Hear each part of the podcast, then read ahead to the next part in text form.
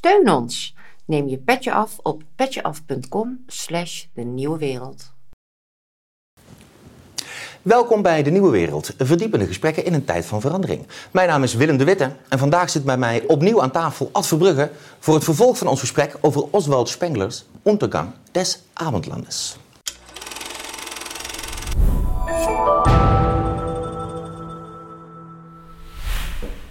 Ad, Ja, Willem. daar zijn we weer. Ja, zeker. Wegens groot succes verlengd, zullen we maar zeggen. Nou ja, we waren ook nog niet helemaal klaar. Hè. Dus eh, we kondigden het al aan. De We hadden het al de gezegd. laatste keer. Misschien moeten we hem oppakken. En gezien de reacties eh, leek me dat wel eh, gepast. Het is zo'n rijke tekst. We hebben Ja. eigenlijk maar... we scratched the surface, zoals men dat in het Engels Ja. wel plicht te zeggen. Ehm, in het vorige gesprek zijn wij heel nauw ingegaan op Spenglers vormenleer. Eh. Wij hebben vooral gekeken naar één specifieke cultuur waarop hij die vormenleer toepast. Dat is de Faustische cultuur. De Faustische ziel die daarin Ja. tot uitdrukking eh, komt.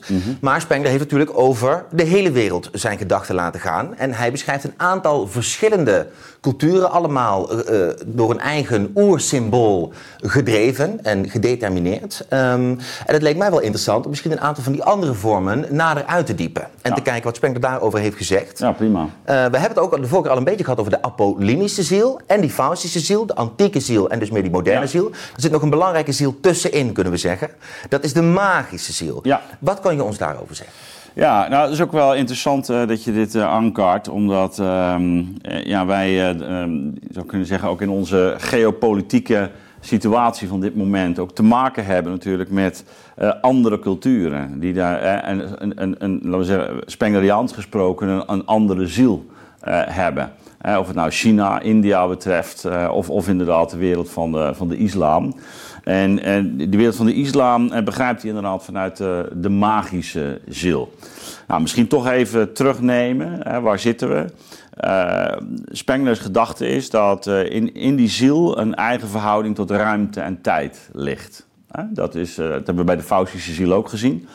Een typische historische opvatting hè, van het idee van zo'n derde rijk. Hè. Een, een, eh, met onze tijd is de nieuwe, de nieuwe tijd aangebroken. Nou, dat hebben we bijna tot op de dag van vandaag, zou je kunnen zeggen. Eh, ook, ook met eh, de, de, de, de, de hele idee nu van eh, ja, singularity bijvoorbeeld. Hè, of het, het, de, de, waar Harari over schrijft met het homo deus. dus, dus weer vanavond gekomen nu met AI in een, in een nieuw tijdperk.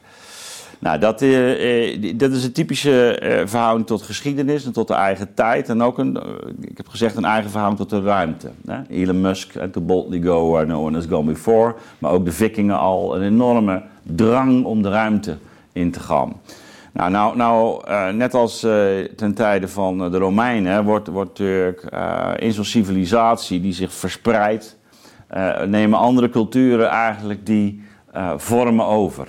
Dus eh, de, wat Spengler zegt, de, de, de, de, de gotische kathedraal die kon alleen maar staan op, in dit landschap. Eh, terwijl de wolkenkrabber, die dezelfde drang naar boven heeft, eh, datzelfde grenzeloze, ja, die staat overal. En zoals de arena eh, van eh, de, de, de Romeinen, eh, ja, die kon overal staan, de Griekse tempel, alleen eh, in, in, in, het, eh, in dat landschap. Ja, dus, nou, dat is eh, tegelijkertijd bevindt zich daaronder, hè, dus, dus dat, dat gold ook voor de, de, de, arena, ehm, eh, bevindt zich dus zo'n oudere cultuur. Nou, wat je, eh, of een andere cultuur, hoeft geen oudere, kan ook een jonge cultuur zijn. Ehm, nou, wat, wat, wat ehm, eh, interessant is aan zijn duiding van de magische ziel, is eigenlijk dat, dat, dat die opkomt in dat, wat je zou kunnen zeggen, in dat Romeinse Rijk. Ja, dit is, maar daardoor wordt ze in eerste instantie, zegt hij, eigenlijk eh, overwoekerd. Eh, eh, dus de, de, de, de vorm van die oude wereld, eh, de- deze antieke cultuur, die, die ligt als het ware over dat landschap. Hè, met Alexander de Grote en naar het oosten, het Oost-Romeinse Rijk. En, eh, nou of, je, of je het natuurlijk eh, daarmee eens bent of niet, eh, doet er even niet toe. Het is, het is, dit is de manier waarop hij naar die geschiedenis kijkt. En naar die, naar die interactie van eh, culturen. Eh, nou, en dan is het de vraag natuurlijk, wat, wat is dan het eigene van, van die magische ziel? Ja, en ehm, nou, daarvoor gaat hij al naar het Jodendom toe. Dat is in- in- interessant. En, en ziet daar eigenlijk de, de, de aanzet tot, tot uh, nou, wat hij die, die, die magische, het magische levensgevoel, wat eigenlijk op een bepaald moment pas de omslag maakt naar een, naar een hoogcultuur, zo noemt hij het. Dus, dus um, zoals wij natuurlijk ook de Noorse mythe en zaag hebben gehad en, en, en een Keltische wereld. Dus, maar die zijn als het nooit doorgebroken tot een, tot een echt een, uh, ja, een hoogcultuur die een continent gaat uh, bestrijken. Dus begrijp ik het dan goed dat het Romeinse Rijk is op dat moment in de civilisatiefase, eigenlijk duidt hij dat Romeinse Rijk Spengler als de civilisatiefase van die Apollinische ziel. Ja. Maar onder de oppervlakte dat broeit. broeit dus al die magische ziel. Magische het heeft een hele ziel, diepe geschiedenis. Ja. Maar op het moment dat, dat eh, hoe meer dat Romeinse Rijk dus ook uiteen begint te vallen, hoe, meer die, die, nieuwe, nieuwe ziel opkomt. Precies, precies. Ja. Ja, dus dat is een. En, en, en nogmaals, dat is natuurlijk een bepaalde geschiedsopvatting. En, en, die zal door, uh, laten we zeggen, hedendaagse historici natuurlijk afgewezen worden. Niet worden gedeeld. Ja. Nee, hè, maar het gaat, de, vraag is natuurlijk hoe kijk je naar de dynamiek in een geschiedenis? En als je positivistisch bent, dan beschrijf je gewoon lijnen. En uh, Frank Spenger zegt nee, je ziet dat toch een soort vorm opkomen. Die wel degelijk een bepaalde eenheid vertoont. Daar hebben we het vorige keer over gehad. Nou, dat is wat hij bij die magische ziel uh, natuurlijk uh, ook, ook zal uh, claimen. Um, en daarbij um, gaat hij uit van een, um, ook een, is hele mooie karakterisering, vind ik. Hij noemt het dat, dat ja, het, het holengevoel. Dus het, het gevoel alsof je in een, ja, in een, in, in een grot zit, in een, in een holte, in een... En de, de, dat, dat, dat grotsgevoel uh, is eigenlijk dat, dat, dat je in een, uh, een ruimte zit die donker is. Ja? En, en, en dat, dat is de ruimtelijkheid. En in die ruimte valt een, een helder licht. Dat is de, dus, dus je hebt licht en donker als eigenlijk hele fundamentele ervaringen. Waarbij dat licht valt in, in, in de duisternis. Nou, dat zijn al de woorden in het Johannes-evangelie. Uh, het licht scheen in de duisternis en de duisternis heeft het niet gegrepen. Dus hij begrijpt eigenlijk dan ook, ook Christus als een, uh, ja, een manifestatie van dat magische gevoel. dus, dus hij is een magier, om het zo maar te noemen. En um, hij heeft uh, prachtige verhandelingen ook over, um, nou ja, het, het, de, de, de, de, een van de mooiste stukken vind ik uit uh, Umtegang is zijn beschrijving van, van, van Christus op basis van het Nieuwe Testament. Hè. Hoe, ik heb dat nooit zo, zo gerealiseerd als, als toen ik Spengler las. Dus hij leeft zich dan in. Daar heeft hij heel veel gevoel voor. Maar goed, um, dat is dan de, de, de religieuze manifestatie. Uh, licht schijnt in de, in de duisternis. Uh, dat is ook die, die, die uh, apocalypsachtige stemming die je bij Christus voelt. Hè? Dus, dus, dus hoe Jeruzalem verwoest zal worden en, en in drie dagen wederopgebouwd. het idee van een wereld die voorbij aan het gaan is. En dat is eigenlijk, hij noemt het ook wel de apocalyps van de aanvang, Spengler. Mm. Dat is dat, er, dat je eigenlijk in deze wereld al niet meer bij deze wereld bent.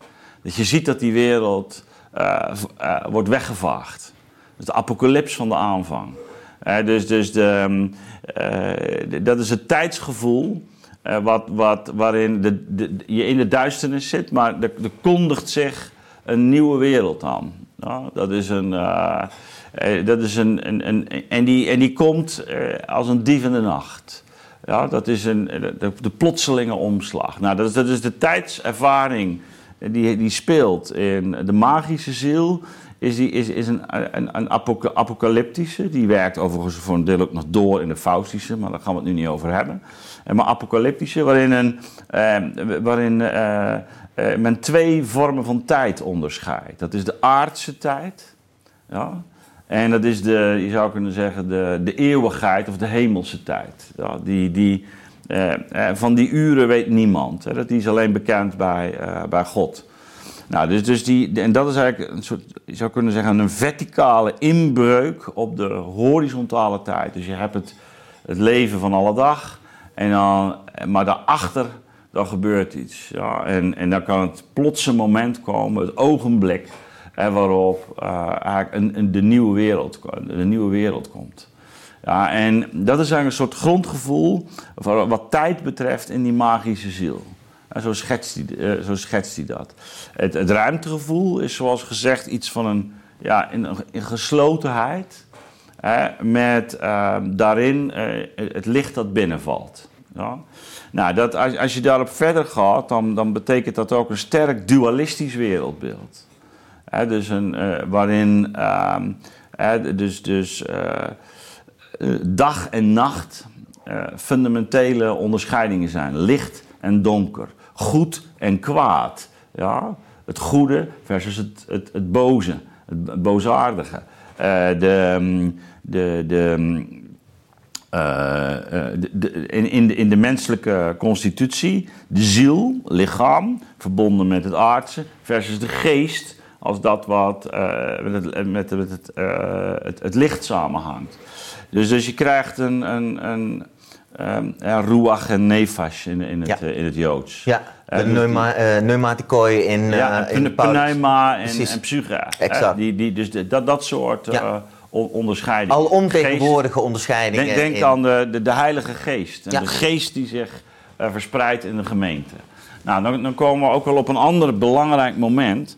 Dat is namelijk um, wat hij noemt de, de, het belang van um, de, de, eenheidservaring op basis van die geestelijke verwantschap. Dus geestverwantschap, de consensus. Het, het, het instemmen met, uh, je zou kunnen zeggen, met het licht. Ja, wie het licht heeft gezien, wie het licht heeft ontvangen en wie, en wie niet. Um, en dat, dat, dat, um, dat betekent dat uh, uh, je, je eenheid krijgt op basis van ja, eigenlijk een, een, een geestelijke broederschap. He, dus dus uh, dat is eigenlijk een, hele, een heel ander soort principe dan bij de, uh, de, de, de, Griekse staat. Van de aristoi, of van de bloedverwant. Ja, waar, uh, waar, waar eigenlijk bloedverwantschap heel bela belangrijk is. Maar ook de plaats. Ja. He, Athene. Precies. Ja, Spartaan, op ja. de plek. Ja, dus, dat is, dus je ziet ook op het moment dat Paulus rondtrekt in die, in die Griekse wereld, hè, of in de het, uh, Romeinse wereld moet ik zeggen, maar ook, ook natuurlijk in um, wat, die Helleniseerde wereld. Ja. Dan, dan zie je dat, dat hij overal naar, bij gemeenten komt. Nou, die, die gemeente, dat is eigenlijk nog de vorm van de polis. En want die zitten gewoon, uh, de, de, de Corinthiërs, of de Galaten, de Thessalonicensen, de Thessalonicensen. Ja, ja. ja, maar die zijn toch, dat zijn allemaal broeders en zusters in Christus. Ja. Nou, dat is dus een, een boodschap van, uh, ja, je zou kunnen zeggen, universaliteit. Hè, van een grote uh, broederschap, die, die eigenlijk heel on, uh, on-Grieks is. maar je zit nog vast aan die stadsvorm, zoals zelfs Rome als het nog een stad is, Romein. Je bent, hè, dat betekent dat je.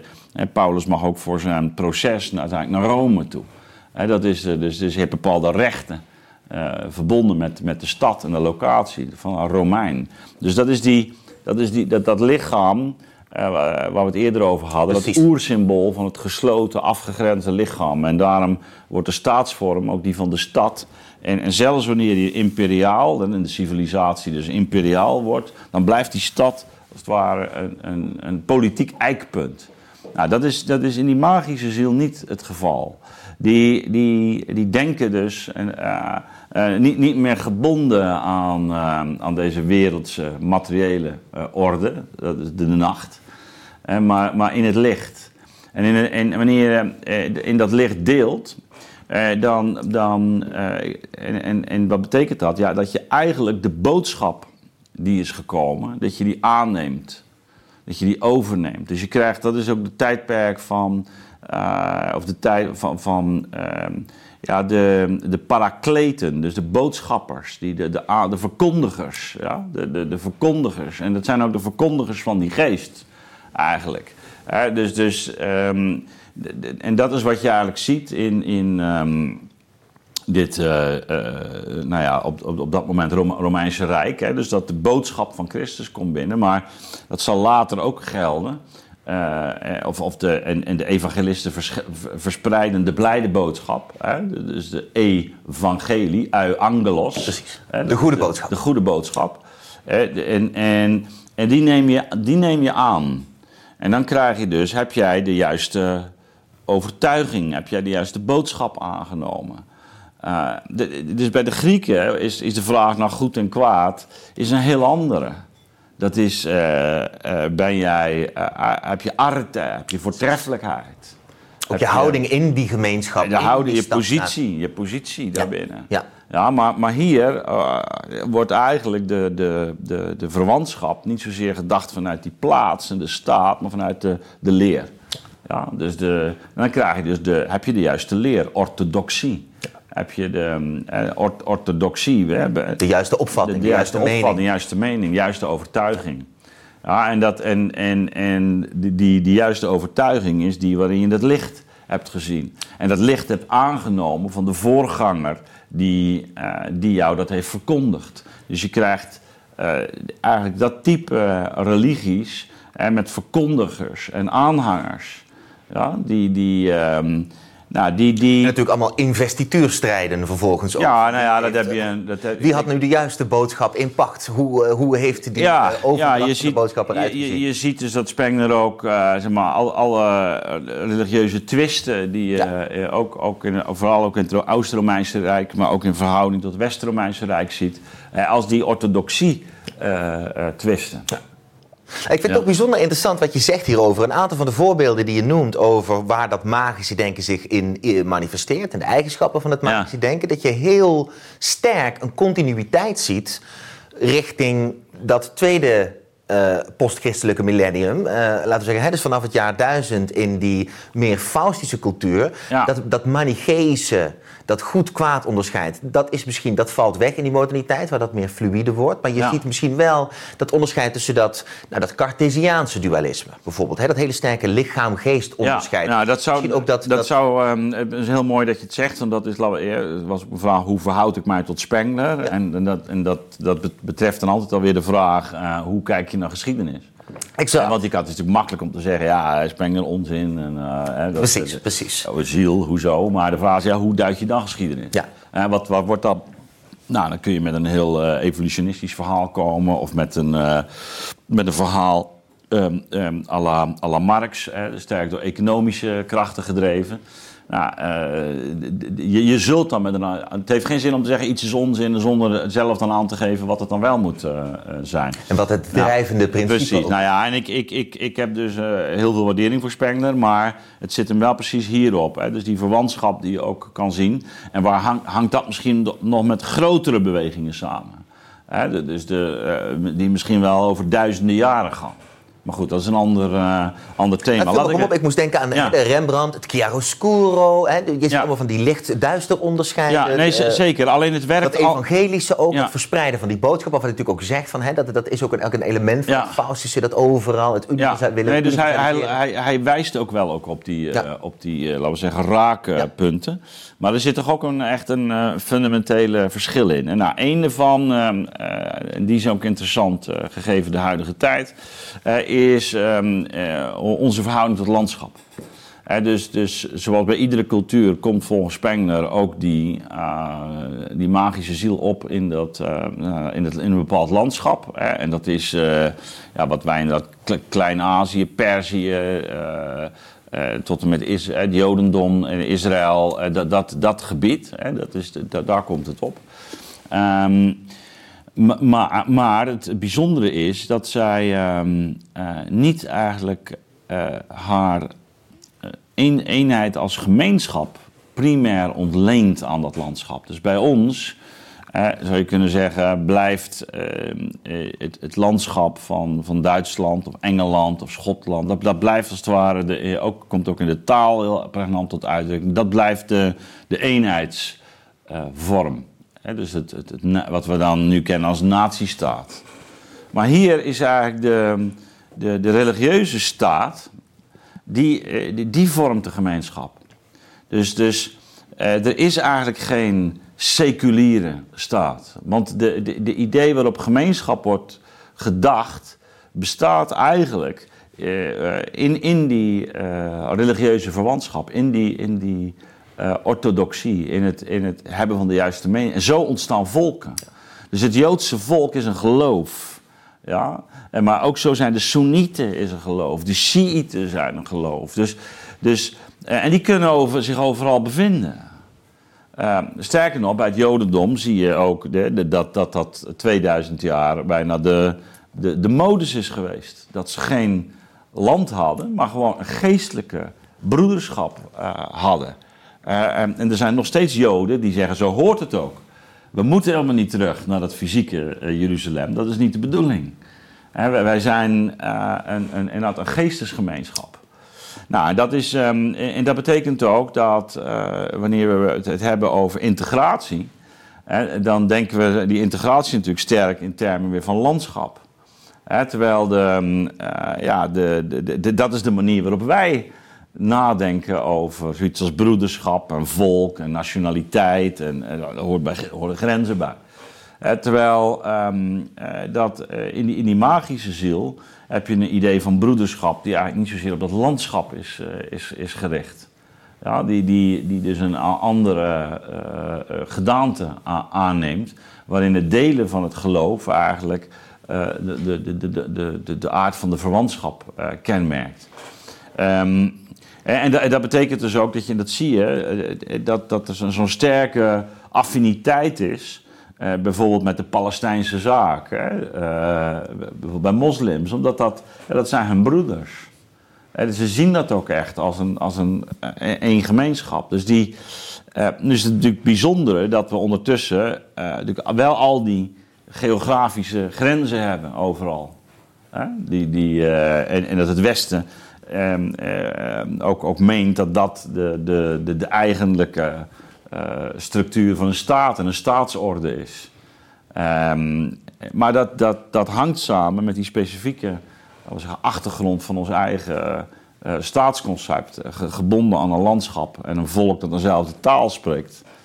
Uh, en wat een, andere, ja, wat een andere ruimtelijke principe is dan die van een een consensusgemeenschap met eenzelfde geloof. Ja, dus op een vreemde manier, hoewel die Faustische ziel op zijn eigen manier zich ook helemaal losmaakt van de begrenzing van de ruimte, hebben we toch nog steeds wel de neiging om te denken in termen van materiële begrenzingen. Of in elk geval. Nou ja, het is vooral voortdurend die strijd met die materie, die heel belangrijk is bij die Faustische ziel. En het overwinnen van het overwinnen van die, van die grens. Maar hier in die magische beleving is, in elk geval. Is, is men weg. Ja, en, dat, en dat apocalyps van het begin is eigenlijk ook al zo'n soort aankondiging van een, uh, nou ja, een, een, in, in die grot, in die wereld eigenlijk verlicht zijn en in een andere, zie je in een andere ruimte uh, bevinden. Ja. En ehm, nu, nu, is het wel interessant natuurlijk dat wij ook met die digitalisering ook een ruimte hebben gecreëerd die nou juist weer correspondeert met die magische ziel, zou je kunnen zeggen. Met die zuiver gespiritualiseerde ja. ruimte. Helemaal losgemaakt van alle materialiteit. Waar je ook dus eh, dit type van groepsvorming uh, uh, krijgt. Grenzen transcenderende groepsvorming, eigen wetmatigheden. Orthodoxies, ja. Ja, ja precies. En, en, en, en, wat, wat nog interessant is, is dat, dat Spengler... Ehm, en dan kunnen we misschien nog over weer naar de volgende ziel. Want ik kan bijna per ziel Nou, ik wou net gaan zeggen, we hebben mooie dingen hierover gezegd. Maar er zijn er meerdere om... Ja, nou, dus, dus, dus wat heel mooi is ook in de zijn, zijn analyse van uh, die, die ruimte. Uh, is dat je, wanneer je kijkt naar de, de, de, de magische wereld, dus die heeft dus dit, dit, dit gesloten karakter, die zit, afhankelijk zit die onder dat juk van die, dat Romeinse Rijk. Dat wordt dan vanzelf het Oost-Romeinse Rijk. Dus je ziet al de, de, ook, ook in dat, qua gebieden al eigenlijk de splitsing gaan optreden. Ja, dus, dus het, het West-Romeinse Rijk, waar uh, uiteindelijk ook het christendom uh, dominant wordt. Oost-Romeinse Rijk natuurlijk ook. Maar daar krijg je de grote uh, omslag in de 7e eeuw. en, en hij zegt, ja, je ziet het eigenlijk in de, het gebied van de filosofie... en heel de twist over de substantie. Um, is, is de substantie één? Of is die, die, is die meer? Heel de, de, de, de vraag over de... de de verhouding van de drie-eenheid. Vader, Zoon, Heilige Geest. Uh, de, da, daar zitten zeg maar, de, discussies. Nou, en, en, en, dan zie je dat het West- en Oost-Romeinse Rijk uit, uit, ook uit elkaar vallen. Ook ideologisch eigenlijk uit elkaar vallen. En um, de grote omslag eh, vindt dan plaats in de zevende eeuw eh, met de komst van eh, Mohammed. Eh, en eh, dat is weer een nieuwe boodschapper, eh, een, een profeet. Eh, die, die het licht heeft gezien en die waarschijnlijk eh, ja, synthese maakt tussen nou ja, eh, Jodendom, eh, christendom, en wat van, van nou ja, lo- lokale invloeden en religies. kijk, Zoroaster heeft natuurlijk al licht, de licht en donker tegenstelling, dus die, die, die gaat al veel langer terug. Maar de, eh, Nou, dat Manicheese, wat je zou kunnen Ja. zeggen, ook rond diezelfde, hè, de eerste, tweede eeuw na Christus. Nou, en, die, en, die, die, eh, en hij begrijpt dus, eh, het, en dat is interessant, hij begrijpt de doorbraak van de islam. Eigenlijk op één lijn met de komst van de Puritijnen. Dus het is een soort hervormingsbeweging. Het zijn hervormingsbewegingen die zich keren tegen de traditionele religie. Terugkeren naar eh, de, de, je zou kunnen zeggen, de, de, de, de, eh, de oorspronkelijke boodschap. De ware boodschap. De ware boodschap. Ja, en eh, vervolgens, de, waar de tekst dan heel belangrijk gaat worden. Ehm, en dat is de. de, de eh, nou, in dit geval komt er een nieuwe tekst. Hè, dat is de, de, de Koran. Hè, en, en hij heeft ook prachtige stukken over hoe die, die, heel die teksttradities doorwerken. eh, de commentaren op teksten. eh, ook tot en met onze rechtsvorming. ook met. eh, ehm, de- De commentaartradities, commentaartradities op teksten. de, de Nou, Talmud, precies. dus dat is een hele eigenlijk fascinerende lijn. Maar die zie je in de. In de mm, eh, nou, dat er ontstaat dus een, een heilige tekst, een nieuwe heilige tekst, de Koran, waar dan ook weer een, eh, heel die commentaartraditie op komt. Eh, en, die, ehm, eh, en dat is een Puriteinse, hij begrijpt dat als een Puriteinse beweging. Dat vond ik een heel interessante benadering. Je ziet dus in, in dat opzicht dan een gelijktijdigheid met Ja. wat bij ons de Puritijnen zijn. Streng op de, de leer, de wet, leefregels. Eh, strikt eh, eh, ook, ook verhouding tot man, vrouw, lichaam. al- allerlei ja, puri- Puriteinse motieven. Ook weer die orthodoxie Ja. die daar een centrale ja, heel speelt. sterk op de, op de, de strengheid van de leer. Ja. En en hij zegt, ja, eigenlijk breekt dan voor het eerst in die, in die wereld die, die magische ziel echt helemaal door en die bevrijdt zich van die, eh, die, die, ehm, die. Apollinische, antieke precies. Apollinische vormen. En dat, dat verklaart dan ook waarom, en dat zie je ook, hè, in een periode van 30 jaar, gewoon die hele eh, wereld, eh, die oude, oude Romeinse Rijk, zo Noord-Afrika, alles, ja, overgaat tot de islam. En met, deels met geweld, maar gewoon het, het, het is ook de boodschap die, die aanslaat. De Dus tijd die- is rijp. De tijd, ja, dat resoneert, Ja. om het zo maar te, Ja. te, te noemen. En eh, start dan ook die civilisatiefase van die magische ziel in? Of hoe, hoe, Nee, nee, nee, want dat dat is. eh, uit? nee, dit is echt. dit is de cultuur. Dit ja, is dus de cultuur. Zoals puritanisme is bij ons ook. eigenlijk, eh, begint in de 16e, we gaan de 17e eeuw. precies. En en zo, zo moet je het zien. Dus het is de bloeiperiode. En dat wordt een soort inhaalslag, zegt hij. Dan zie je dat in één keer die cultuur helemaal opbloeit. En, en eh, ja, goed, dat is ook een, beetje een fantastische voorstelling natuurlijk. Maar, maar het is ook wel weer interessant hoe hij het, eh, hoe die het neerlegt op die manier. En, en, en nogmaals, ook, hè, met, dat je ook dan meteen dus die strijd krijgt. Soenieten, Shiiten, dat die eh, al heel snel, dus die natievorming rond de leer. Dus, dus, dus groepsvorming rond, rond gemeenschapsvorming rond de leer. Met, met allerlei eh, ja, gewelddadige Alle conflicten van dien. En je, en je ziet daar dus dat de scheiding tussen kerk en staat, eh, die wij maken, ja, die, die hangt samen met landschap en overtuiging. Maar Ja. hier eh, heb je niet dat, dat landschap als dominante Precies. factor. Dus je beweegt vanzelf toe naar kalifaat. Precies. Dat is dus. eh, ja. Ja, je hebt dus inderdaad wat hele mooie dingen gezegd nu over die magische ziel. Hoe daar ook één specifiek oersymbool, in dit geval van die grotbeleving, op zijn eigen manier ook weer zijn uitdrukking vindt in een bepaalde verhouding tot de ruimte en een verhouding tot de tijd. Ja, en, in- en, en het lichaam. Hè? Dus precies, en tot de gemeenschap tot- en tot... ja, hè, de- het komt, komt overal in, in terug. Alle Ook in facetten hun- van de werkelijkheid. En je moet ook hun kunsten zou je kunnen bespreken. En heel de, Precies.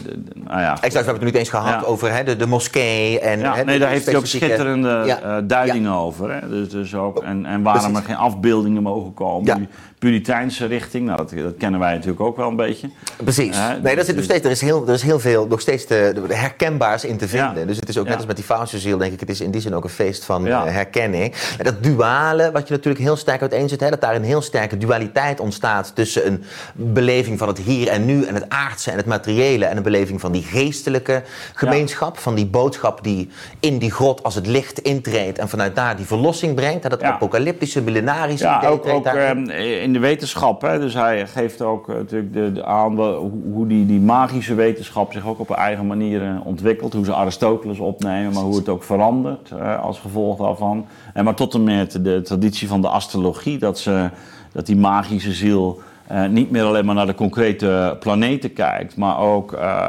ja, eigenlijk punten eh, die, die puur mathematisch zijn ontwikkeld, die, waar, waar een boodschap in ligt. Hè? Dus, dus die een betekenis krijgen, maar die, die, die niet meer betrekking hebben op een fysieke planeet.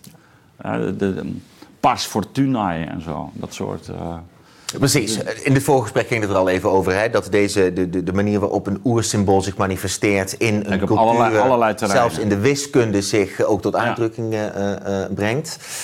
We hebben genoeg gesproken, denk ik, even over die magische Ja. ziel. Het boek staat hier en is ook te bestellen. En we blijven mensen aanraden om ook even te kijken in de link eh, onder de video. Zelf eh, het boek aan te schaffen, daar eens doorheen te bladeren. Ja. Misschien een cultuur die eh, vandaag de dag ook volop in de belangstelling staat, om verschillende redenen, is die van de Russen. Ja. En Spengler schrijft op een hele interessante manier ook over de Russische cultuur. De drie hoofdculturen die hij beschrijft hebben we nu wel besproken. De Apollinische, de Faustische, de Magische hebben we het nu over gehad. Maar hij heeft het ook over de Chinese ziel, ja, de de, Indiaanse dromeren, de ziel. dromerende ziel. de ja. Mexicaanse, hè, of inderdaad meer wat wij met de Inca's en dergelijke, die oude... eh, Ja, Eg- Egypte, dus de, Precies. de starre weg naar het einde, hoe die dat eh, schetst ook. ja, want, want iedere keer komt ook die architectuur, ehm, of dat heb ik vorige keer ook al gezegd, in, de, in de architectuur komt het oersymbool tot uitdrukking. Precies. En ehm, eh, met name eh, waar het gaat om het heiligdom. Dus, eh, de- want daar zou je kunnen zeggen, wordt de, de, de, de ruimte op een manier vormgegeven waarin het, ja, een, je zou kunnen zeggen, de angsten weet te bezweren ten opzichte van de vergankelijke wereld waarin wij. dus de, de, je zou kunnen zeggen, in tijden van nood, hè, is de kerk. Eh, was dan eh, eh, voor, de, voor de middeleeuwen, maar misschien tot en met de 20e eeuw nog wel eens het punt van, van rust. En en van, van een soort, zou kunnen zeggen, eeuwige waarheid die daar wordt belichaamd. Nou, dat was de Griekse tempel op een bepaalde manier. En dat was ook de, de, de moskee. Hè? De moskee waar je de koepel al ziet. Hè? De, de, waar- het licht eh, binnenvalt. door een kier. Ja, door een kier. Ja, dat is de, hij, hij- spreekt zelfs over de, ehm, eh, de, de ehm, eh, hoe heet het in, in Rome, dat, die, die, dat mooie ronde gebouw. De, ehm, de, Parthenon. de- ja, precies. De, want de, al, eigenlijk al als de eerste manifestatie van de magische ziel in die Romeinse wereld. Pantheon. Pantheon. Ja. Pantheon. En wie ziet alle goden daar? Ja, precies. Dus, ehm, het, ehm, en maar de, de, de eerste moskee noemt hij het. Hè?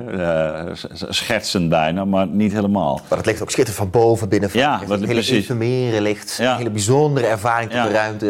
Je- hoeft er maar in te staan. Je krijgt Ja. meteen een gevoel voor wat Spengler bedoelt. A- absoluut. En ehm, nou ja, dus dat is die, al die koepelconstructies. En daarom eh, voel je ook van dat is echt een verschil. Hè? Een, een, een, een moskee met die koepel versus eh, onze gotische kathedraal.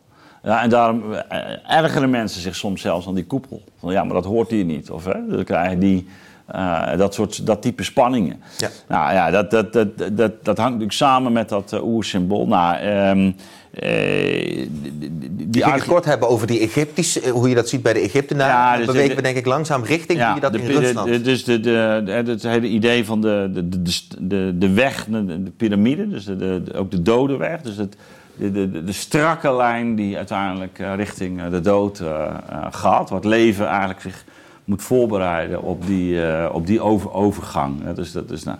Maar goed, ehm, eh, dus iedere keer komt daar dus in, in, nou, in Rusland zie je die ui.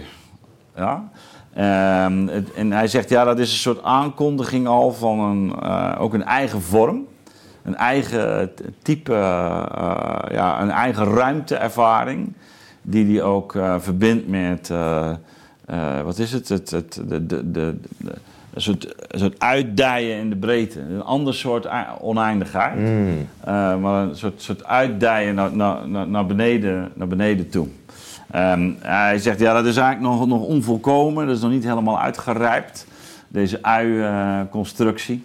maar ehm, eh, het, het, is, het, is, het is een oersymbool van wat hij dan noemt de Russische ziel. Dat is, eigenlijk- dat is eigenlijk een... en eh, en, en, en die, die analyse van die Russische ziel die neemt ook wel weer een bijzondere plaats in eh, binnen de, de. Ehm, omdat het in zijn ogen is het niet een ziel die geweest is, maar een ziel die nog zou moeten komen. Dus dat is een. hij ziet het eigenlijk als een. eh, Ook zo'n ziel die nog broeit onder de ja, die nog broeit. Die nog broeit. Ja. Eh, die, die dus iets mystieks heeft, iets, iets primitiefs, iets barbaars. En zoals de, de, de mensen in het, eh, in het ehm, Romeinse Rijk ook dachten over die christenen. Van ja, wat zijn ongeciviliseerde. Ja, God die mens wordt en, en, en vervolgens dus de, de, ja, de primitiviteit eigenlijk. Ten, opzichte van een, laten we zeggen, een, Platoons of een wetenschappelijk eh, eh, wereldbeeld. Eh, eh, dus dus, dus men, men vond het, ehm, nou ja, in- inderdaad, iets, iets voor, voor slaven. En, slaafse religie, on- on- vrouwen en slaven, onderontwikkelden. Dat, en ehm, nou ja, dat, dat, dat, is, de, de, dat is denk ik ook bij Spengler in zijn analyses ook wel heel kenmerkend. Dat die manifestatie van zo'n eerste ziel, die heeft iets, iets heel primitiefs. Iets eh, wat door anderen ja, wordt, wordt weggewuifd.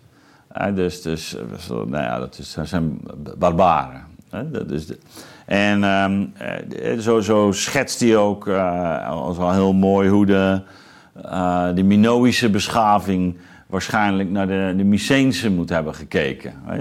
Minoïs rijk ontwikkeld, stedelijk, waterleidingen en een soort, soort relaxruimtes. En, en, ja, die dan zo'n zo'n krijger ehm, eh, samenleving tegenover zich eh, ziet. Met, met een soort, nou ja, eh, laatdunkend eh, blik. Gewoon kijkt naar wat die, wat die lui daar doen. En hij zei, ja, dat, is, dat, is een, een, dat zie je eigenlijk eh, eh, steeds opnieuw. Soms ook binnen een cultuur. Denk aan eh, Alexander de Grote, Macedonië ten opzichte van Athene. Eh, maar, maar, maar ook dus van, van, van die jonge culturen en die nieuwe culturen. Hij zegt, ja, dat, wat voor indruk moeten de vikingen hebben gemaakt op, op het oosten, weet je? Op, op, ehm, eh, wat, wat, of ten opzichte van ehm, eh, de, de, de, de magische ziel. Die- waar je al heel sultanaat had. En, eh, maar daar komt er eigenlijk zo... eh, in rond duizend komt er een jonge ziel op. Nou, die gaat notabene nog eh, met een kruistocht beginnen ook. Eh, uiteindelijk.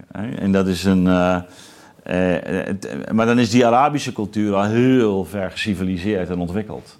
Dus die bestaande cultuur die kijkt met een soort van scheef oog naar die opkomende Ja, cultuur, ziet dat als primitief. Dan geeft Speng natuurlijk op een gegeven moment een interessant soort van hint naar hoe die, ont- hoe die ontwikkeling eruit kan gaan zien. Want hij zegt op een gegeven moment, als we moeten kijken naar Rusland en die ontwikkeling en die ziel, dan is Tolstoy haar verleden en Dostoevsky is haar toekomst. Een beetje de cryptische omschrijving. Ja. Misschien kunnen we een beetje praten over wat hij daarmee bedoelt. Vooral met het oog op als we nu kijken naar Rusland.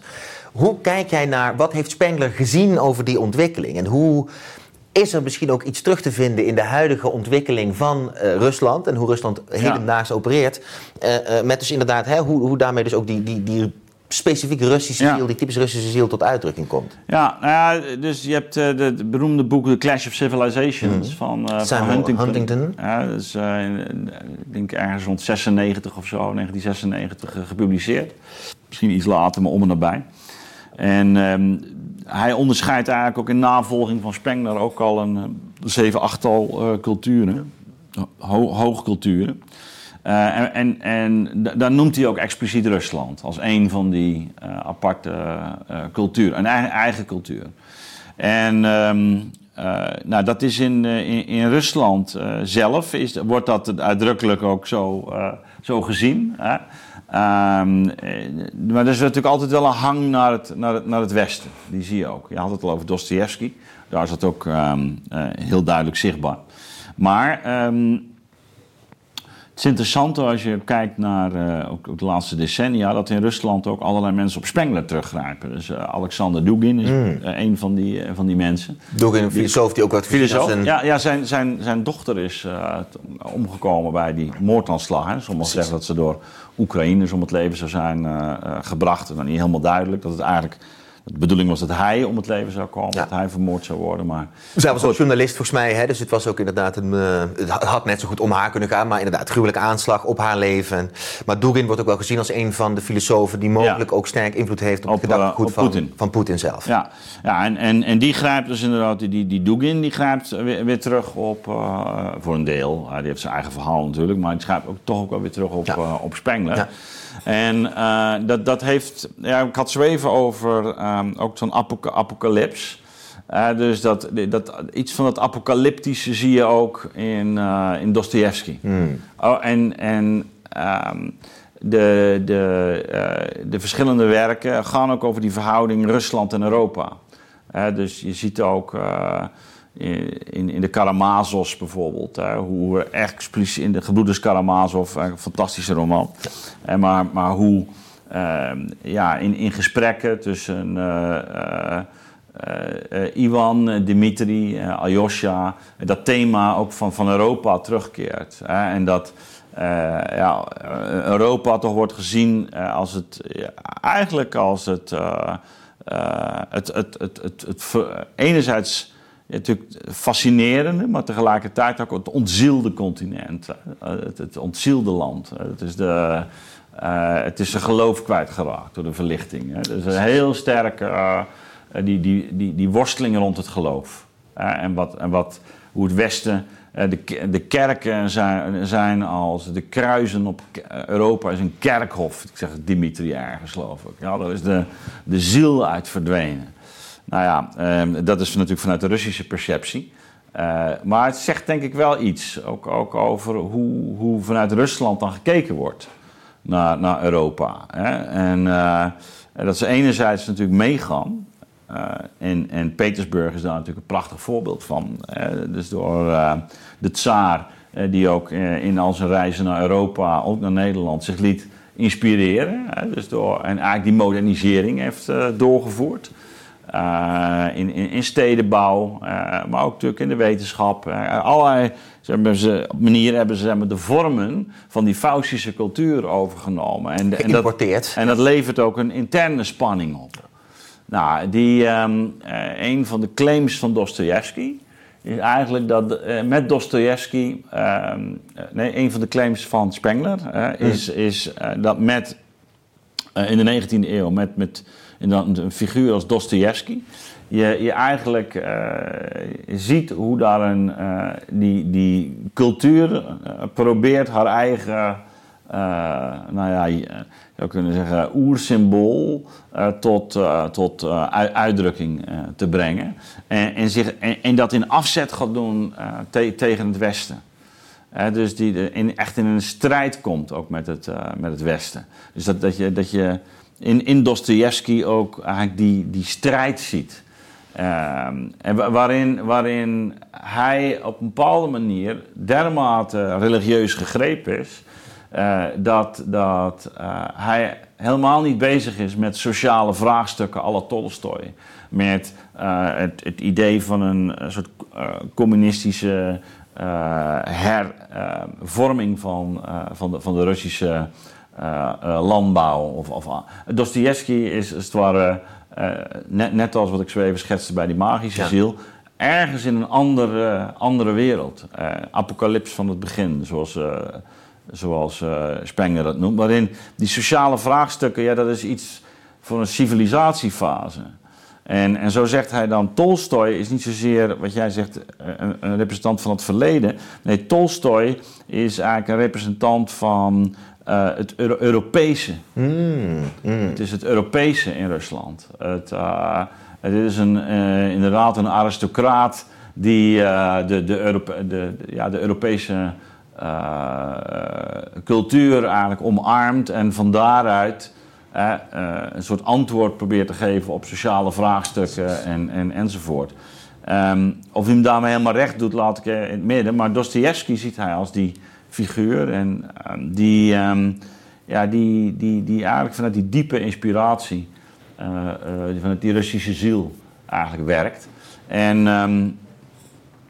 ja, de, de, waarin eigenlijk nieuw type, nieuw soort principes tevoorschijn komen. En en, en ja, je, je ziet al iets van de tundra.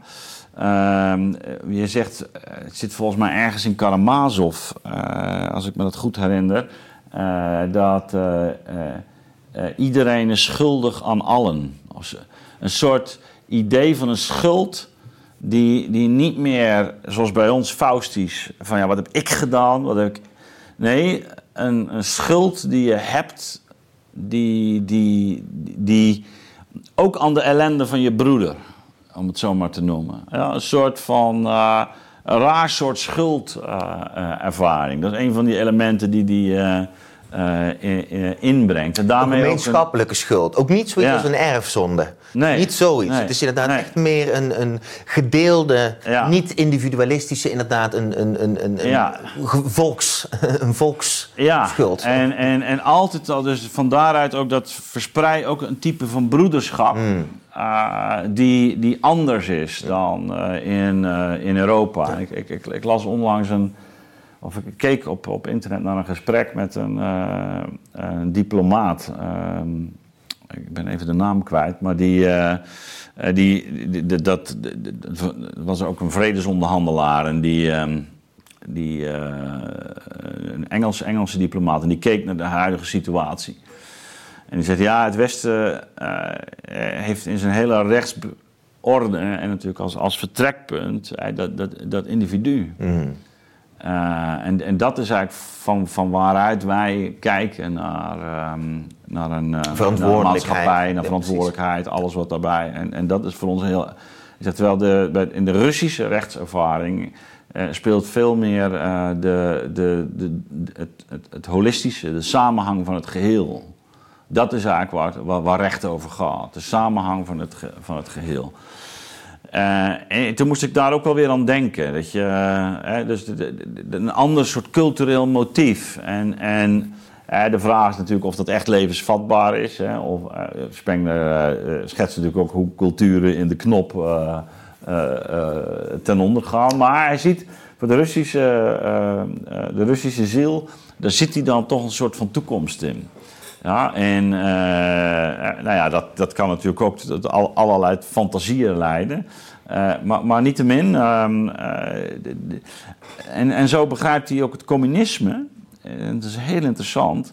Het communisme, ik kan zeggen, ja, maar dat is toch bij uitstek een Europese eh, aangelegenheid. Hè? Eh, een ideologie door Marx geformuleerd. Op het Zeer typische- wetenschappelijk, Op, het, op de typische geciviliseerde Ja. problematiek, namelijk van een industriële economie en de vervreemding die daarmee gepaard gaat. Dus hoe, hoe zou je dat. Hij zegt ja, maar die, dat communisme, dat is eigenlijk eh, vooral vanuit het antagonisme omarmd. Dat men zich wilde, dat men zich wilde onderscheiden van Europa. Dat men, dat men juist daar, als het ware, eh, en het beantwoordde iets aan het idee van kameraad, aan die broederschap, aan dat, aan die, aan dat oorspronkelijke motief. Maar eigenlijk in heel zijn eh, verdere eh, ideologie was het een, ehm, eh, eerder een vermomming. Het, het, het paste niet echt bij, de, zegt hij, bij die, bij, die, bij die Russische ziel. Het is het, men heeft het gebruikt om, om, om zich vooral tegen Europa te kunnen keren. En dat is natuurlijk toch wel interessant. dat Europa en nu en, en Rusland zo die vijandschap ontwikkelen. Dat is de, het ontwikkelen, dat is al heel de 20e eeuw. En het communisme daar natuurlijk de eerste manifestatie van was. Maar ook na die val van het communisme, dat, dat bleef voortduren. We, we, niet, niet, we zijn niet in staat uh, geweest om, om als het ware het roer om te gooien. En zeggen, nou ja, ze hebben nu zelf zich ontdaan van het, communisme.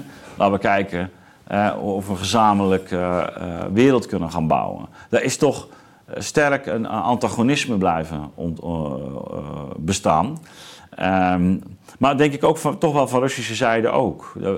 Dat, die, dat, die, dat, dat afzetten tegen het Westen, tegen de decadentie van het Westen. Um, nou ja, je kan ook zeggen, ik heb elders wel zeggen, is, is dat niet zelf ook, om, om met Baudrillard te spreken, hè, een soort simulaak, een soort hmm. schijnvertoning. terwijl je in de kern hartstikke materialistisch bent en uh, helemaal niet die spirituele waarde verwesterd bent. Hè? Dus dat, zo kun je het ook interpreteren. Hè? En, en nogmaals, die, die, die schema's die staan mij ook uh, helder voor ogen.